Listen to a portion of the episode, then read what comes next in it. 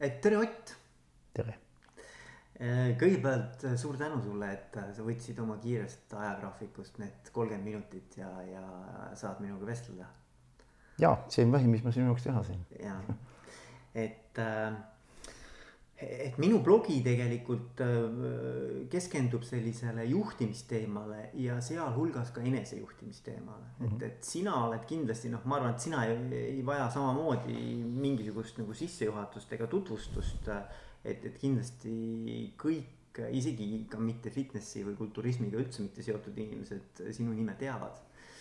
et sa oled siin kakskümmend pluss aastat selle valdkonnaga kõvasti tööd teinud ja iseendaga tööd teinud ja, ja tegelikult oledki nagu mõnes mõttes nagu sünonüüm selle, sellele kulturismile siin Eestis, et äh,.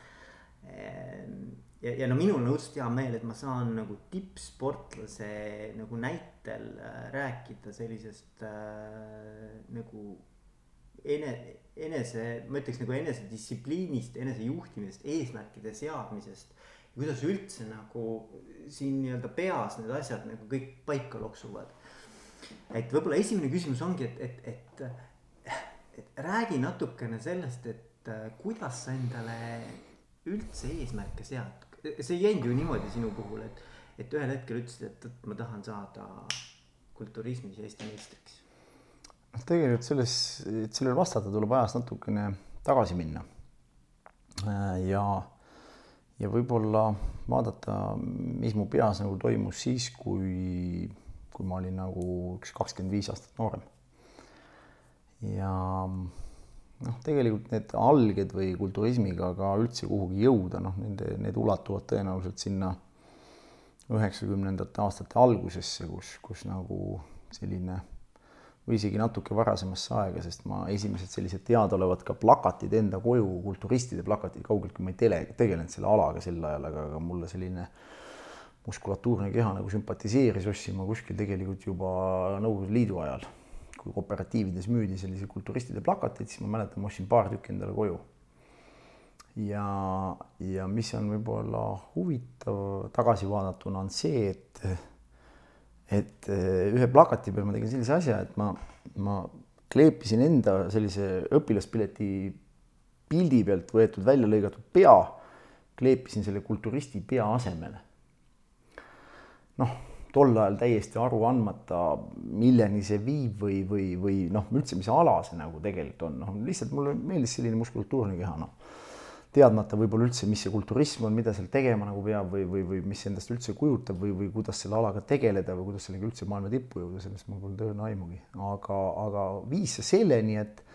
seesama mees, kelle plakati ma koju ostsin, läks kümme aastat mööda ja me vaatasime üksteisel lava taga tõtt näkku. ja ma võitsin seda meest võistlustel, sellel samal võistlusel see oli kümmekond aastat hiljem, et ütleme kuskil kaheksakümmend kaheksa võis olla see, kui ma selle plakati koju endale soetasin ja tuhat üheksasada üheksakümmend kaheksa oli see, kus, kus siis juba tema juba noh, selgelt see vanusevahe oli juba suur, sest mina olin laps, kui ostsin mina tema plakatit, ta oli minust ikka paarkümmend aastat vähemalt vanem, kui mitte rohkem isegi. nii et tegelikkuses see, see, see reaalsus oli see, et, et selle tulemusel ma nagu, nagu võitsin seda meest siis kümmekond aastat hiljem, nii et noh, elus on nagu tagasi vaadates selliseid huvitavaid äh, märke või kontakte, mis nagu hiljem sa saad aru, et, et mis ühel või teisel nagu siis asjast, millest sa kas unistanud oled või, või, või mida sa füüsiliselt nagu teinud oled, nagu see plakati lugu. aga noh, üks asi on see, kui ma näitan praegu ka, ma võtan selle kaasa, ma toon ühe, ühe, ühe päeviku, mis aitab ka võib-olla ilmestada seda, kuidas, mida ma mõtlesin või mida ma tegin see, et mul on siin üks enda esimene üks treeningpäevik, noh, see on tegelikult siia peale on kirjutatud tuhat üheksasada üheksakümmend kolm lõpp, üheksakümmend neli algus. ja siia ma tegelikult ju olen ketseldanud peale, nagu sa näed, siin on äh, mis, Mister Olümpia kaks tuhat ja Mister Universum kaks tuhat kolm. ma kirjutasin selle sinna tegelikult kümmekond aastat enne seda, enne kui ma siia võistlusele jõudsin näiteks. selle ma võitsin nüüd eelmine aasta, kaks tuhat kuusteist ja siin ma võistlesin, ma saavutasin siin kuuenda koha sellel võistlusel. ma olin väga lähedal oma eesmärgi püstitamisel. ja ilma selleta, et ma oleks käinud kuskil motivatsioonikoolitusel või kuskil, kuskil, kus, kuskil kohas, noh. lihtsalt nagu oli tunne, et võiks sellel alal tippu jõuda ja ma kirjutasin need asjad nagu endal välja siia sellesama peale, noh. üliäge, üli, ülikihvt, aga, aga ütle mulle, et, et kui kauge, noh, ma praegu nagu tundub, et kümme aastat, eks ole, see on nagu, et, et et sul puudus isegi tegelikult arusaam, kuidas sinna jõuda. ja ei, ma polnud isegi võistelnud, kui ma selle siia kirjutasin, ma ei olnud võistelnud okay. kulturismivõistlustelgi veel nii et tegelikult see oli ikkagi sa olid ikka väga kaugel sellest, eks ole. ja no ma olin ikka no nii kaugel, kui veel selles mõttes nagu olla üldse saab, et kui sa ei ole ühelgi võistlusel võistelnud umbes, no see on ja. nagu kergejõustikuvõistlusel ütled, et kuulge, ma tulen nagu olümpiavõitjaks piltlikult öeldes. aga sa polnud isegi, ma ei tea, kooli mingisugustel meistrivõistlustelgi polnud sellel alal siis noh, mida sa tahtsid, millest sa tahtsid olümpiale jõuda, polnud isegi võistelnud. aga sa siis visualiseerid endale ka seda või kas see oli kuidagi moodi? Äh, noh, kui tagasi vaadata, selge ka sellel ajal oli vaata, mis oli nagu erinevus tänasest, on see, täna täna on infoküllus nagu. täna, kui ma tahan millegagi tegelema hakata, ma ei tea, saada rätsepaks,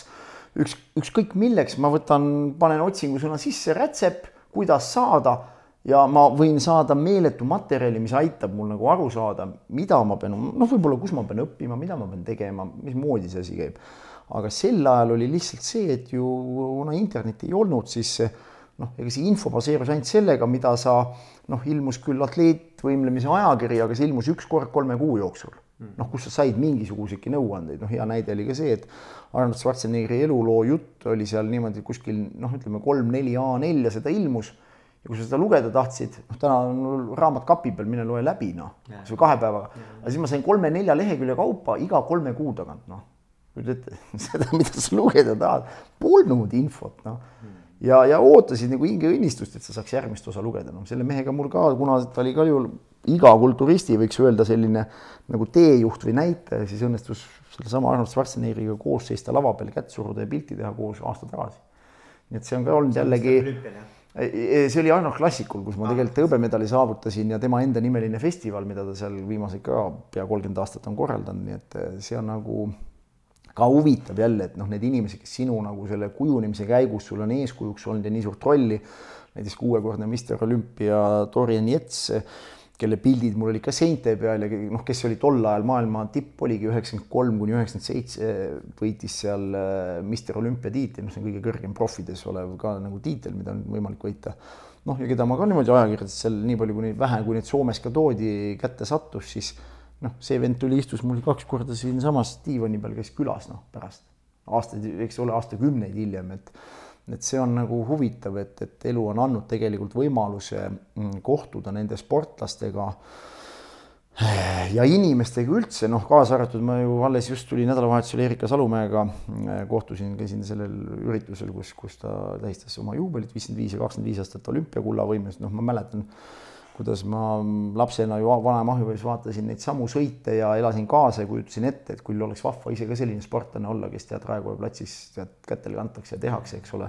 Et ja noh, see inimene on täna mul selles mõttes võib öelda väga hea sõber ja, ja, ja kujutan nagu ette, et see kuskil Sunset Clubis mingi kakskümmend viis aastat hiljem olümp, kahekordse olümpiavõitjaga rokid ringi, eks ole, ja teed tantsu ja, ja, ja saadad teda kui turvamees, et, et selles mõttes on nagu huvitavad nagu asjad, et need inimesed tõesti iidolitena nagu sportlastena, kes mul on nagu olnud, et mul on olnud võimalus nende inimestega praktiliselt kõigiga nagu kohtuda ka oma elus. nii et kuskil see nagu see alge on juba vara, jah, see, see soov peab olema, ma saangi aru, et ja see ei ole olnud mingisugusel sellisel, kuidas nüüd öelda, hetke, hetke nagu emotsiooni ajendil mõte või uitmõte, et oh, et küll oleks tore rikkaks saada või küll oleks tore, kui hästi läheks või noh, nii nagu meil ju praktiliselt ma kujutan ette iga päev käib mingisuguseid selliseid uitmõtteid läbi, aga need on olnud mõtted, mis on olnud nagu pikka aega nagu eesmärgiks juba kuskil vaimsel tasandil. alateadlikult. alateadlikult need on olnud jah, et äh, iseasi, kas igaüks neid välja kirjutab või teeb, ma ei taha öelda, et asjad ainult realiseeruvad sellest, kui sa neid välja kirjutad. aga aga minu puhul mingisugused asjad on, on kindlasti juhtunud ja ma olen tunnetanud mingeid asju ette ennem, kui need hakkavad juhtuma nagu. see on ka huvitav, et see nagu kaasa arvatud eelmise aasta, ütleme Euroopa meistrivõistluste võit näiteks, noh, ma võtan järgmise treeningpäeviku lahti, ma olen kirjutanud kuskil kolm või neli päeva enne seda, kui see asi toimus. ma olen kirjutanud, no kuigi ma päevikut pean kakskümmend viis aastat ja mingisuguseid tundeid või mõtteid ma olen sinna varem ka kirjutanud, aga nii kindlat tunnet, et ma võidan, noh, seda varem ei olnud, aga tol hetkel ma kirjutasin selle mõtte nagu selgelt välja, sest see hetke emotsiooniseisund nagu oli, oli kuidagi see pilt oli palju selgem kui, kui võib-olla varasematel aastatel. see tunne, seekord nagu tuleb ära, seekord ma võtan ära, täpselt praktiliselt läks, no mitte praktiliselt, vaid läkski niimoodi noh. et, et või amatöörolümpia samal eelmise aasta lõpus, eelmine aasta oli ju spordi mõttes kõige edukam, et, et sama tunne oli täpselt enne olümpia seda, et, et mul on tunne, et ma võidan ja see on mul ennem kirjutatud kõik ka tunnetena välja nii-öelda nendes päevikutes, et äh, see on olnud ikkagi see emotsioon, mida, sest see tunne ei tule iga kord, ütlen ära, see ei ole nii, et ma võin ju kogu aeg mõelda, no sest see enesekindlus nii-öelda, mis enese sisse ka tuleb, noh, selge, et selle, selle, seda peab nagu toitma kõigepealt millegiga. kuna eelmine aasta oli ikkagi nii palju tugevaid starte all absoluutses igasuguses maailma tipus ja, ja noh, vaata iga selline õnnestumine toidab nagu seda karikat, kuhu sisse see eneseusk nagu koguneb, noh. ja, ja, ja kui sa nagu, ta ei baseeru enam sellisel juhul nagu lihtsalt arvamisel või unistusel, vaid ta baseerub mingitel ära tehtud asjadel mm sest ega alguses ka, kui siia sai kirjutatud välja suur eesmärk, noh, ma ütlengi, et esimene asi, mida ma sain aru, oli see, et ma sain aru, et ma pean minema lihtsalt võistlustele osalema. ja ma sain oma esimesel võistlusel eelviimase koha, noh, kaugele sellest, ma oleks võitnud seda. Mm. järgmisel võistlusel ma olin eel, eelviimane, noh, mis oli juba natuke parem tulemus, sest ma ei olnud päris viimane nii et, et, et noh, sealt on nagu võtnud jupp aega, enne kui see enesekindlus on tulnud, et ega see ei olnud nii, et, et sa läksid kohale, oh nüüd, et ma kirjutasin asjad välja, nüüd ma olen nagu, et sa pead alati nagu suutma tegelikkuses hinnata seda, kelle vastu sa võistled, mis tasemel sa võistled ja, ja, ja sellest lähtuvalt ma olen ikkagi pannud nagu ütleme, selliseid reaalseid eesmärke, et ma nagu noh, olen nagu ikkagi, ma ei taha öelda, et, et noh, kui vaadatagi seda karjääri ja vaadata seda nagu pühendumist ja seda üldse seda noh, et sa suudadki maailma tipus nagu ennast näha, noh, ei saa öelda, et see nüüd tagasihoidlik oleks kuidagi see unistus olnud. aga noh, ütleme niimoodi, et äh, ta ei ole ka olnud kuidagi nagu üle mõistuse mingisugune nagu, nagu selline noh, tihti on vaata, kui ma kõrvalt vaatan muid sportlasi võib-olla noh, kellel isegi pole mingisuguseid arvestatavaid tulemusi üle ja inimene hõikab nagu ka välja kogu aeg, et oh, mis ma nüüd umbes tead, homme tulen maailmameistriks, et, et siis siis, siis nagu on tegemist nagu noh, ma ei saagi nagu aru, et kas see inimene nagu tõesti naiivselt usub, et need asjad nagu nii lihtsalt juhtuvad, mitte et ta kunagi ei võiks tulla, aga noh, tihti nagu noh, selle kuidas nüüd öelda, mingisugune alustulemuse mõttes nagu võiks seal nagu ka all olla mm., lisaks sellele unistusele. unistus on toredad asjad ja, ja unistama peabki suurelt ja kui sa pool ka sellest ära teed, siis ma arvan, et sa jõuad kaugemale kui enamus inimesi, kes ei julge üldse unistada aga, aga kuidagi see asi on ikkagi ta nagu etapp etapilt, et ma sain nagu aru, et, et ma tahan kunagi kuskile jõuda, aga ma ikkagi enda jaoks panin väga selged need levelid, et võistelda oma vanustes, saavutada vot enam-vähem endasuguste seas olla parim, siis järgmine etapp seal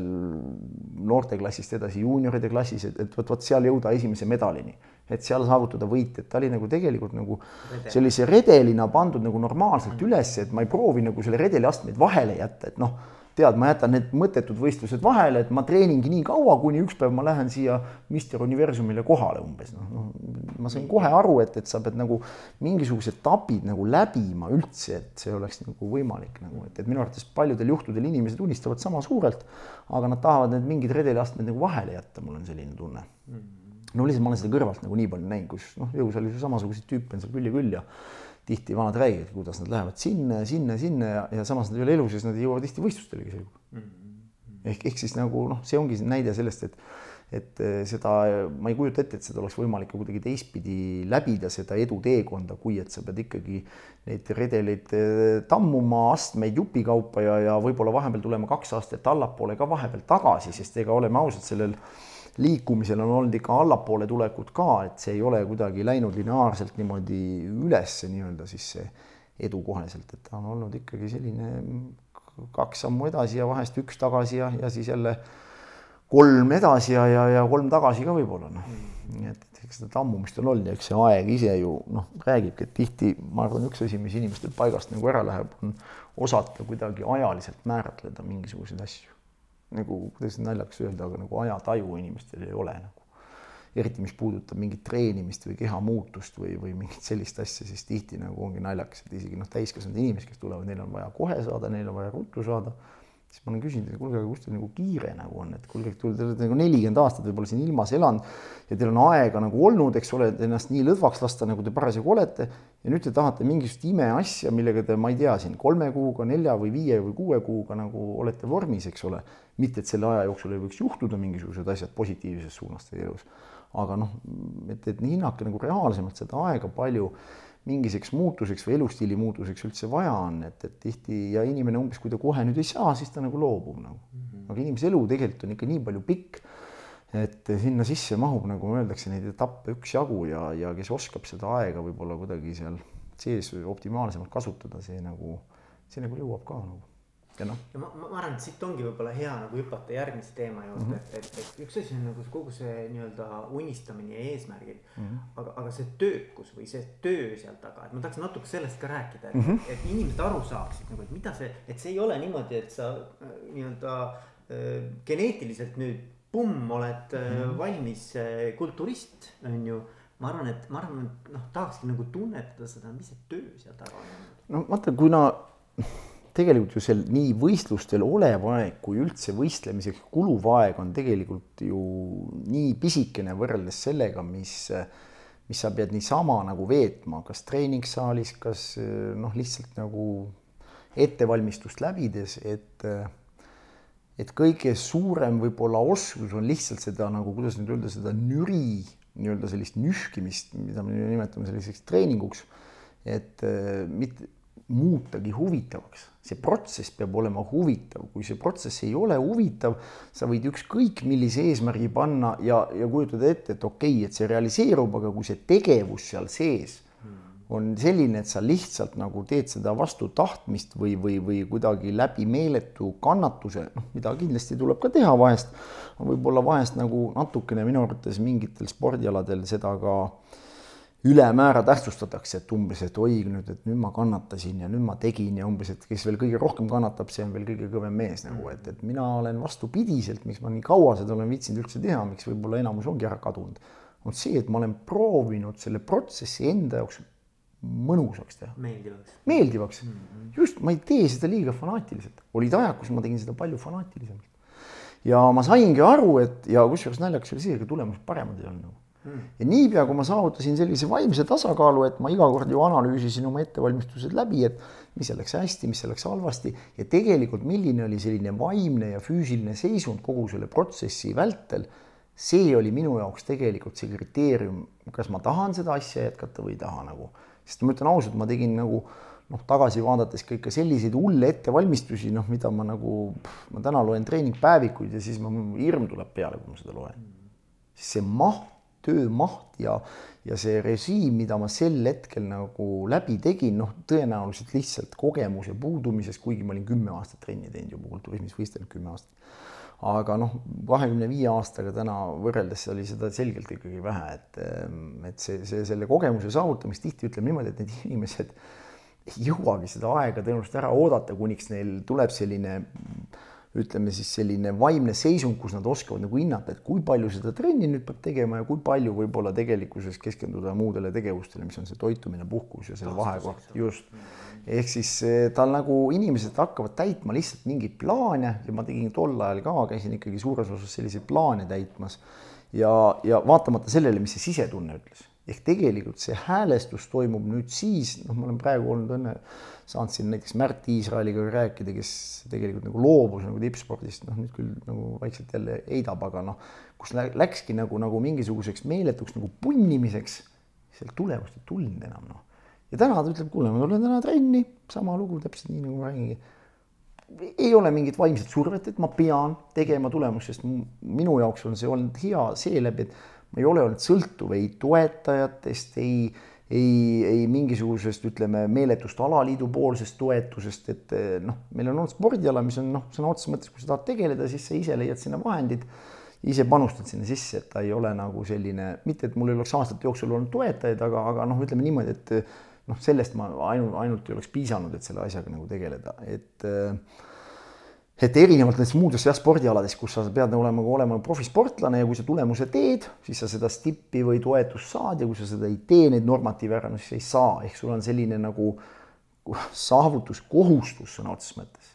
mitte saavutusvajadus, aga saavutuskohustus, mis omakorda sätib sulle sellise vaimse pinge, mis hakkab tegelikult töötama selle saavutamise vastu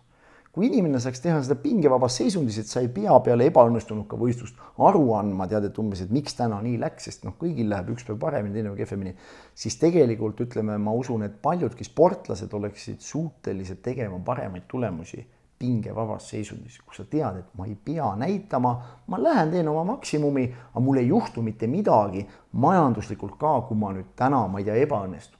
ehk see hirm ka ebaõnnestumise ees on lõpuks see, mis lõpuks toobki selle ebaõnnestumise kaasa sest inimene kogu aeg mõtleb, et kui mul nii ei lähe, siis mul nagu need katid sealt, sealt, sealt ära ja siis on jama, noh, ja siis ta hakkab punnima, siis ta ei tee enam seda nagu niisuguses äh, pingevabas seisundis, noh, ja eriti noh, tehnilised alad ja asjad, kus peab niisugune lõtvus sees olema, seal, seal see pinge hakkabki sööma lõpuks neid tulemusi ära minu arvates.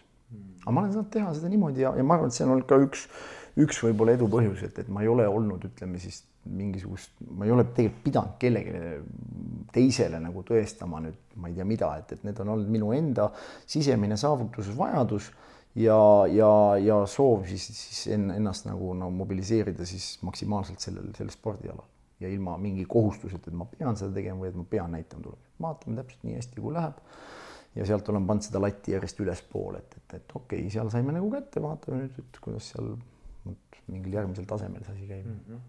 aga kui sa noh, tood lihtsalt näite sellest, sa ütlesid, et sul olid nagu meeletud koormused, et, et, et lihtsalt aru saada nagu millest me räägime, et, et. noh, koormuse näide, no ma toon lihtsalt näite, no ma tegin keskeltläbi selline, äh, selline kuskil niisugune kolm-neli tundi päevas trenni, mis siis e-poolest ei olegi nüüd teab mis kestvusala inimeste jaoks ei ole see teab mis isegi enneolematu asi, aga kui see, kui selle töö maht on kuskil, ütleme ühes trennis ma tegin kuskil sada, sada kuni sada kakskümmend seeriat noh, lihtne näide on näiteks, et kui ma teen algaja kava, nüüd inimesi, kes tuleb trenni, ega ta isegi edasi jõudnud, kui ta läheb, ütleme seal mingi kehaosa jaotusega läheb treeningusse, ega tal üle seal mingi kümne, kaheteist harjutuse tavaliselt sees ei ole ja ta üldjuhul võib-olla teeb sealt igat kolm-neli seeriat, noh. ja tegelikult noh, me saame niisuguse kolmkümmend, nelikümmend seeriat maksimum ühe treeningu mahu kätte. siis mul oli see maht sada, sada kakskümmend seeriat ühe trenniga ja ma tegin seda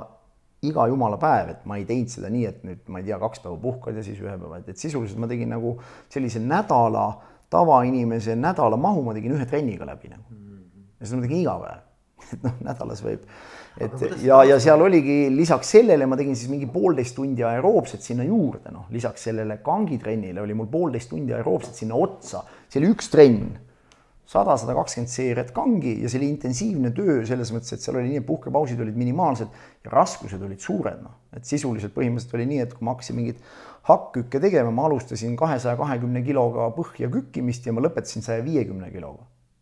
noh, et oleks siis olnud, olnud mingi tühja varega veel võimlemine, siis ütled ka, et okei okay,, tehke see läbi, aga ma ütlen, paneme niisugust raskust ka veel peale ja taluge siis seda koormust ja seda veel defitsiidi tingimustes, kus kehakaal pidi vähenema mm mis tähendab seda, et sa oled juba energeetilises mõttes, sa oled juba defitsiidis.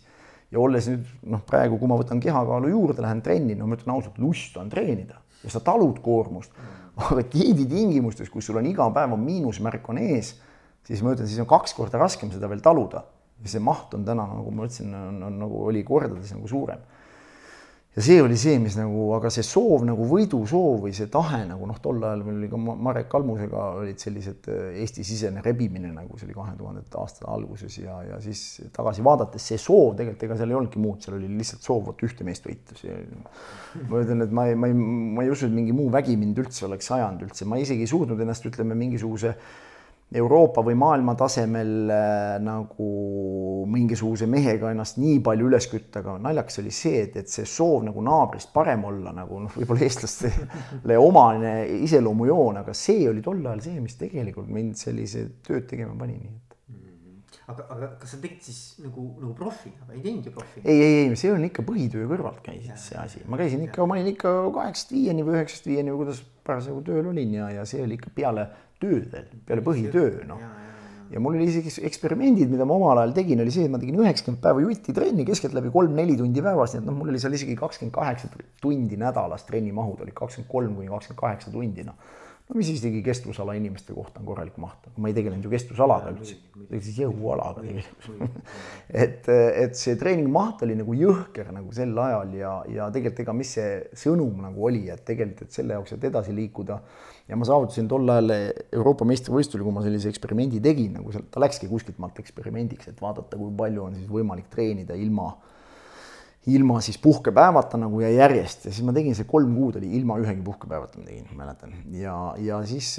noh, tulemus oli tegelikult see, et ma saavutasin äh, kolmeteist võistja seas äh, üheteistkümnenda koha, noh, olin eel-eel viimane põhimõtteliselt Euroopa meistrivõistlusel. Ma olin heas vormis, naljakas oligi see, et ma vormi jõudsin, aga kuidagi ma ei tea, kas see sats oli nii kõva seal või mis seal oli, ma tagantjärgi on isegi raske öelda.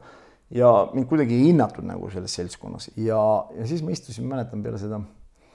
istusin sinna hotelli maha ja tol ajal oli treener Indrek Otsus ja siis oli mõtlesin, et täitsa lõpp, et kuna ma panin siin nii palju aega nagu alla, selle jaoks, et olla eel-eel viimane nagu mm.. siis tegelikult, mis me järelduse tegime, väga lihtsalt, ütlesin hästi, sügiseks ma treenin täpselt poole vähem. Ma panen siia alla poole vähem aega, ma ei käinud kaugeltki iga päev enam trennis, ma ei teinud kaugeltki enam kolm tundi trenni, aeroobsest praktiliselt ma üldse loobusin. ma läksin sügise maailmameistrivõistlusel, tulin top kümnesse sisse kahekümne viie mehe seas ehk tegelikult nagu see oli nagu lihtsalt selline näide, mida ma ka oma koolitustel selle teinud olen, et alati, et selle jaoks, et sa nagu edasi läheksid, sa ei pruugi nagu alati teha rohkem nagu, nagu liigutusi või ajaliselt ka rohkem sinna alla panustada, vaid lihtsalt teha efektiivsemalt. Efektiivsemaid liigutusi ja tegelikult selgubki, et võib-olla trenni polegi vaja nii palju teha. kõik arvavad, et väga lihtne oleks sporditeoorias ka, kui võidab see, kes teeb kõige rohkem trenni, noh. jube lihtne oleks ausalt, elakski jõusaalis aga, aga tegelikult selgub, et sa pead tegema täpselt nii optimaalseid liigutusi, kui palju füsioloogiliselt muutusteks vaja on, aga kõige suurem oskus ongi leida üles see, kui palju vaja on. see on see küsimus, ega seda peale vaadates ei oska keegi sulle öelda, eriti olles ise ka treener, kui ma suudaks seda ka oma õpilaste puhul kohe öelda, kuule, sinul on vaja treenida nii palju, sinul, sa ei näe ju inimesi siis ja inimene ise ei hakka ka selleks, et inimene hakkaks ise tunnetama, palju tema jaoks vaja on, läheb aega nii palju et ta oskaks lugeda seda sõnumit, mis sees on. Hmm. ehk siis see on tegelikult ka see asi, mis, mis nagu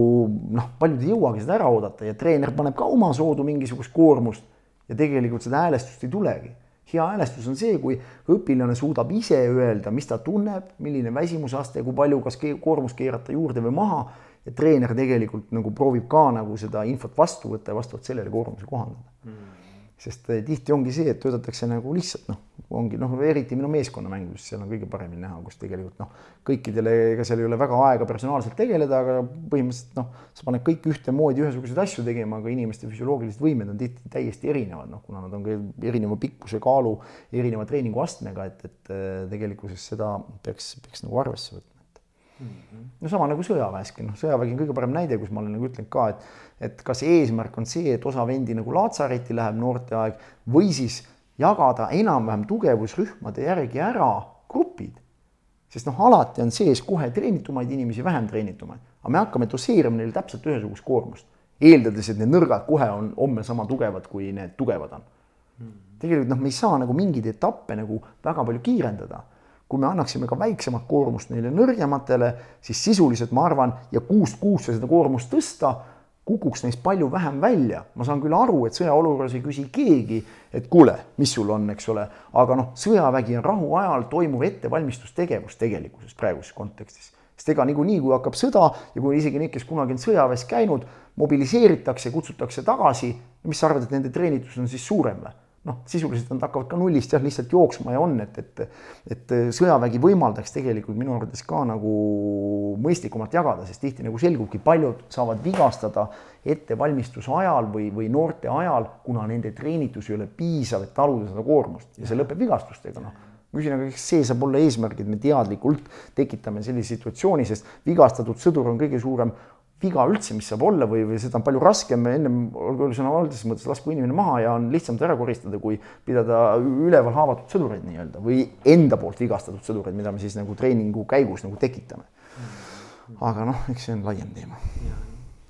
aga mis su, mis su nüüd ütleme, niisugune tulevikuplaan on, mis mis su senised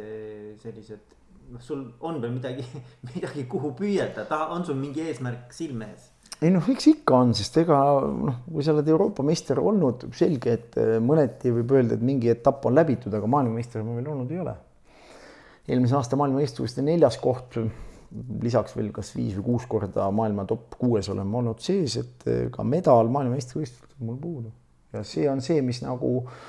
kui ma nüüd mõtlen, mis mind nagu motiveeribki näiteks sügisel, kus need maailmameistrivõistlused toimuvad, pingutama, siis on raudselt see, et jõuda medalini ja, ja, ja proovida võita siis maailmameistrivõistlused. see on nagu selline reaalne siht ja ja ka usk, et, et ma olen seda suuteline veel tegema nagu, et, et mm. kui seda ei oleks, noh, siis oleks nagu keeruline öelda, et kuule, mis nüüd motiveerib, et kas lihtsalt võistlustel käimine või, või ja ma pean ütlema, mul ei ole sellist tõsist nagu motivatsioonikriisi ausalt öeldes oma karjääri jooksul nagu väga olnud ka, kui ma vahest nagu kuulen, et inimestel on motivatsioonikriis, palju noorematel inimestel, kes on noh, kordades vähem võistelnud, siis ma päris hästi ma ei saagi nagu aru, et, et millest see neil tingitud on või, või, või, või kuidas et noh, niikaua kui ma ikkagi pildis olen ja niikaua kui ütleme, niikaua kui seest see usk on olemas, et sa oled võimeline võitma tiitlivõistlustel medaleid ja ja kõige kirkamaid medaleid, et niikaua ma arvan, on huvitav teha, noh. Vaata, see asi peab olema huvitav teha, et noh, täna muidugi oleme ausad, ma olen situatsioonis, kus mul on ka lisaväljund olemas ka veel masters vanuserühmas, see on siis nelikümmend kuni nelikümmend neli, sellises vanuserühmas seal on samamoodi olemas nii Euroopa meistrivõistlused kui maailmameistrivõistlused mis on küll nüüd latt selgelt noh, ütleme allpool, kui on siis äh, noorte meestega koos, aga tihti need vahed, ütleme selle ala puhul ei, on noh, imeväiksed, seal on on aastaid, kus on äh, sama mees on tulnud veteranide maailmameistriks, kui on äh, avatud klassis noortega tulnud. Mm.. noh, ka neid näiteid on, et, et tegelikult see nelikümmend nagu öeldaksegi enda vanuse puhul samamoodi näitab, et ega ta ei ole mingi, mingi vanus, et, et aga, aga ta on nagu lisaväljundina või lisaväikse motivatsioonina ikkagi, et sul on nagu tegelikkuses kaks võimalust tulla maailmameistriks sisuliselt sügisel ühe asemel, mis on ju veel suurem väljakutse. jah. Nii et nii kui seda on, noh, ja, ja tegelikult ega oma, omavahel öeldes, et vanuserühmi annab sealt veel edasi nii-öelda, et, et noh, kui sa üks päev tõesti saad aru, et noh, noortega sul ei ole enam asja, siis sa võid ainult keskenduda, ongi oma ealistega, no aga ma ütlen, ega proovige siis olla oma ealiste parim maailmas. Mm ega see ei ole ka lihtne ülesanne. jah, et, et nii, et noh, seda, kui sa tahad nagu sihukest positiivset külge otsida, siis sa tegelikkuses leiad ka selle jälle, et kuulge, et okei okay,, et laseme seda latti ühest küljest nagu allapoole, aga vaatame reaalsusele näkku, et no füsioloogiliselt eh, sa ei, sa ei, sa ei saa enam kahekümne, kolmekümne aastaste meestega kõrvuti teha, aga, aga ükspäev noh, tuleb seda ka tunnistada, aga täna nagu on ikkagi see latt seal kõige kõrgema astme peal ikkagi ja, ja soov ikkagi nii-öelda siis äh, avatud nii-öelda siis kategoorias teha kaasa, kus, kus, kus ei ole siis otsest vanuserühmade jaotust, nii et, et ja täna see noh kevad võib-olla küll ei läinud selles mõttes kõige paremini, et noh, lihtsalt vigastus tuli vahele. kontrollstardil läksid väga hästi ju, absoluutvõit Rootsi Grand Prix'l ja ja Maltal ka teemantliigal hõbemedal. Noh, seesama, kes minust ettepoole jäi, see mees on järjest võitis kolm teemantliiga etappi ükskõik kus maailma otsas ja tuli ka amatöörolümpia võitjaks nüüd, mille ma ise võitsin, nii et tegelikult ma nagu võit võit-, võistlesin seal ka päris kõvas konkurentsis ja, ja no ma nägin, et ega midagi ulmelist ei olnud, et, et noh, teine päev pane kõrvuti ja võid võita nagu. nii et see, see annabki niisuguse usu, et, et ma saan aru, et täna see, kes maailma tipus praegu sellel, selles kaalukategoorias nagu teevad, et see on täiesti see tase, millel ma võin nagu ilusasti kaasa teha ja, ja kui asjaolud langevad kokku nii ettevalmistuse mõttes, tervis peab, siis, siis on kõik võimalik. kas sul, sul on ju praegu tegelikult, kuna sa oled ikkagi oled treenerina ka mm -hmm. ametis, et, et keda, kes on nagu sinu käe all saanud ka nagu ütleme kulturismis või fitnessis nagu sihukeseks edukaks äh, Eesti tegijaks? noh, hakkan pihta, ma tegelikult olen nüüd kollektsioneerinud kokku, olengi lasknud need medalid lasta, nagu sa siin näed, olen lasknud panna enam-vähem, ma arvan, sügisel mul plaanis üks medalinäitus ka teha juubeliks, et äh, ma olen lasknud panna nad äh, nagu plokkide kaupa raamidesse, üks sõber mul neid teeb siin järjest, et neid on üks kümmekond tükki on valmis juba. Neid raame, siin olümpiamedal veel ootab panemist ja seal on Arnold Klassiku medal ja ja praegu need treenerite medalid on tegemisel ja tegelikult noh, ma vaatasin seda varasemat, et äh, tänane statistika on selline, et no me tegime varem koos oma abikaasaga, eksabikaasaga meil oli selline asi nagu Tiim Kiivikas, täna ma haldan seda üksinda, aga muidu me tegime koos. Ja tegelikult, kui vaadata, ma lasin panna, ma iga päev selle peale ka ei loe, aga ma vaatan, et kokku need sportlased, keda me treeninud oleme, noh, kuna seal oli tihti alad, mis nõudsid kahepoolset nagu tegemist, et abikaasa tegi seal, eksabikaasa tegi seal Natalja Nazarenko, Kiivikas tegi siis ütleme seal fitnessis vabakavad, mina tegin seal toitumise ja, ja, ja selle treeningpoole plaanid nagu, et, et meil oli palju selliseid õpilasi, keda me nagu kahasse ka treenisime nagu noh, lihtsalt just, et, et temal olid mingid oskused, mõnel olid mingid oskused. aga kui ma loen kokku need kõik tiitlivõistluse medalid, kuna ma olen ju ise ka olnud suuresti iseendaga treener aastaid juba ja, ja noh kaasa arvatud abikaasa treener, ma olin eksabikaasa treener, kes tuli nii absoluutseks maailmameistriks kui absoluutseks Euroopa meistriks, me vaatasime kokku, on toodud maailmameistrivõistlustelt kümme kümme kulda, kümme kulda EM-ilt. mul oli just seesama fail ise täna nagu naljakalt on, on äh, alla laetud, on siin. siin on näha see statistika, kui ma teen selle tiimiga, siin on kaks tuhat viis kuni nii, kui ma loen kokku, siin on siis äh, kuus kulda maailmameistrivõistlustelt, viis hõbedat absoluutarvestuses kaks kulda EM-ilt, kümme kulda, kümme hõbedat, kuus pronksi, juunioride mm neli hõbedat, kaks pronksi ja EM-ilt viis kulda on õpilased toonud. päris, päris võimas, see on, see on, see on ikka täitsa nagu. kakskümmend kuus, kakskümmend kaheksa, kolmkümmend kolm, kolmkümmend seitse, kolmkümmend üheksa, nelikümmend üks, nelikümmend viis, viiskümmend tiitlivõistluse medalit on need õpilased toonud, kes on meie tiimis nagu aastatel kaks tuhat viis kuni kaks tuhat no väga võimas, see on väga võimas muidugi jah. no päris palju jah. nii et äh, jah, nii et see on nagu. et see on nagu täitsa nagu mõnes mõttes ka selline koolkond, ütleme. jah, see koolkond tegelikult tuli, kust see tuli, siin on olgu öeldud, et siin on väga palju sees fitnessi medaleid. Fitnessis kui spordialast ju tegelikult enne kahe tuhande väga viiendat aastat meil väga ei meil küll esimesed võistlejad olid kahe tuhande teisel aastal juba Brno MM-il, aga ega sellest väga ei teatud, aga peale seda, kui ma nii-öelda siis oma eksabikaasa tõin siia Eestisse elama, siis tegelikult see fitnessi koolkond tekkiski. kõik need võistlejad, kes tekkisid peale seda siin Kristiina Koroljak, Oleg Anissimov, Endla Vaher, Egle Nabi kõik need tulid ju alguses meie juurde, hiljem oli küll, kes hakkas ise tegema juba, kellel tuli seal teine treener, kõik nad alustasid ja esimesed tiitlivõistluste medalid kõik toodi sealt selle kaudu, noh, osa on siiamaani nii Oleg kui Kristiina lõpet-, kes on juba siin oma karjääri lõpupoole juba, nemad on kõik oma tiitlivõistluste medalid meie käe alla toonud, et selles mõttes see, see jah. nagu vilja kandnud. jah, see on vilja kandnud ja, ja tegelikult sellest spordialast ilma selle Natalja siia Eestisse tulekuta, ma arvan, me väga-väga nii, ma arvan, sellises massilises võtmes me ei räägiks täna mm ja ma arvan, tema panus eriti oli nagu väga suur just selle fitnessi arendamisel mm.. seda, et kulturismil mul on omal seal poisse, keda ma treeninud olen, nii Raigo Kuusnõmm kui Rain Kuusnõmm kui, kui Mikk Raudsepp, kes tuli juunioride EM-i kullale ja et noh, need on, need on noh, nemad oleks tõenäoliselt niikuinii tulnud oma, oma saavutustele, sest noh, kulturistspordina on ju oluliselt vanem. aga see fitnessi koolkond tuli puhtalt tänu Nataliale tekkis piltlikult öeldes toodi üks inimene siia, kes hiljem lõi ja nüüd on näha palju, mis mis see tulem nagu oli. kuule, aga tänud sulle, Ott ja, ja edu sinu tegemistes. ja ma tänan võimalusest jagada oma mõtteid.